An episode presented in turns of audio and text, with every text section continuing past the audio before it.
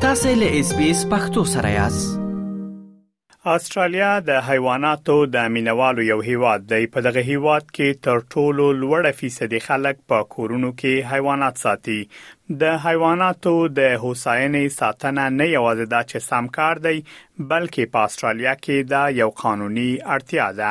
په استرالیا کې د حیواناتو د هوساینې قوانین د دغه هیواد د ایالتونو او سیمو لخوا اداره کیږي. له حیواناتو سره د ناوړه چلند د مخنیوي ټولنې د ساینسي چارو افسره سارا زیتو وایي چې د استرالیا ټول ایالتونه او سیمې د حیواناتو د هوساینې لپاره مختلف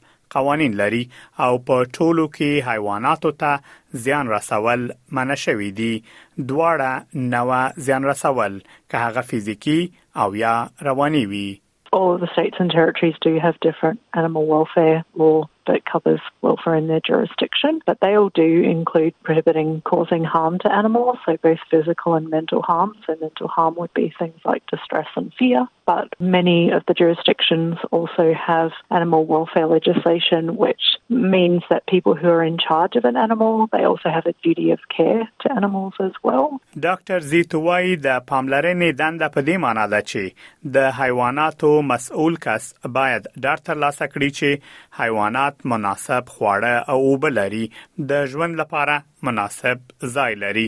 هغه همدارز زیاتوي چې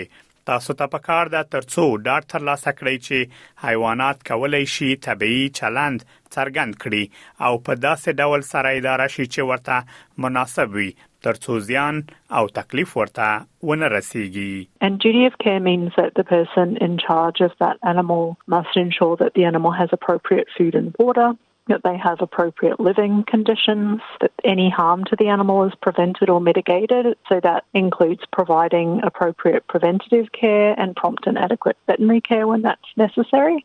You also have the requirement to ensure that the animal can express natural behaviours and that they're handled in a way that is appropriate to the species and not going to cause them harm or distress. د حیواناتو د ساتنې دنده او مسولیت تاسو هغه وخت هم لرئ چې ستاسو په کور یا موټر کې د بل چا حیوان وساتل شي د دې مکلفیتونو په پوره کولو کې پاتې راتلل یو جرم دی لورا ویمن جونز له حیواناتو سره د ښه چلند ادارې ویانده ده هغه وایي په هغو ساحو کې چې پیشو او سپای ساتل کیږي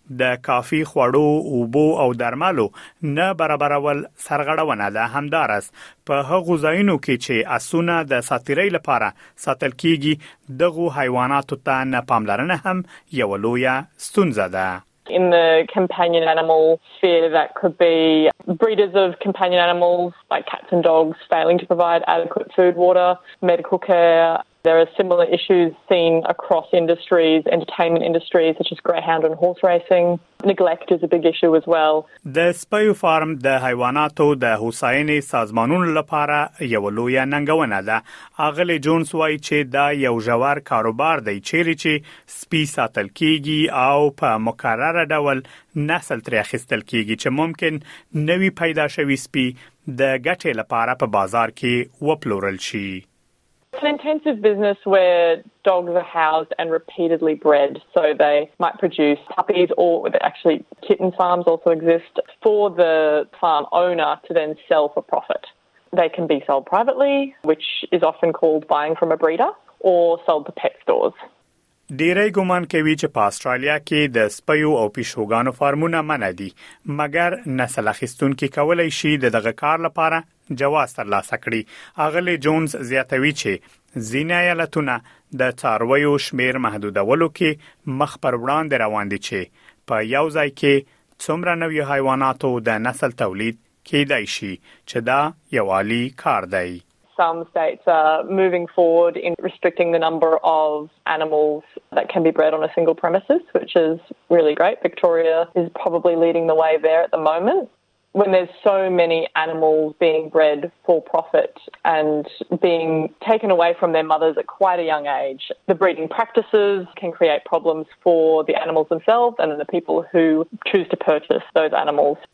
د حیواناتو د دفاع په دفتر کې رضاکار وکیله تارا وارد وایي چې د استرالیا اصلي حیوانات ځانګړی قانوني حیثیت لري هغه وایي چې حکومت د دغه هیواد په اصلي حیواناتو یو اندازه کنټرول لري ځکه پرته له هغه هیڅوک د دوی ملکیت نه لري The government retains some level of control over native animals. because otherwise nobody owns them. That's why the government regulates how we can interact with wild animals. and native animals. And that's in addition to the general animal welfare laws that apply to all animals, whether they're our cats and dogs or they're a kangaroo or a bird out in the wild.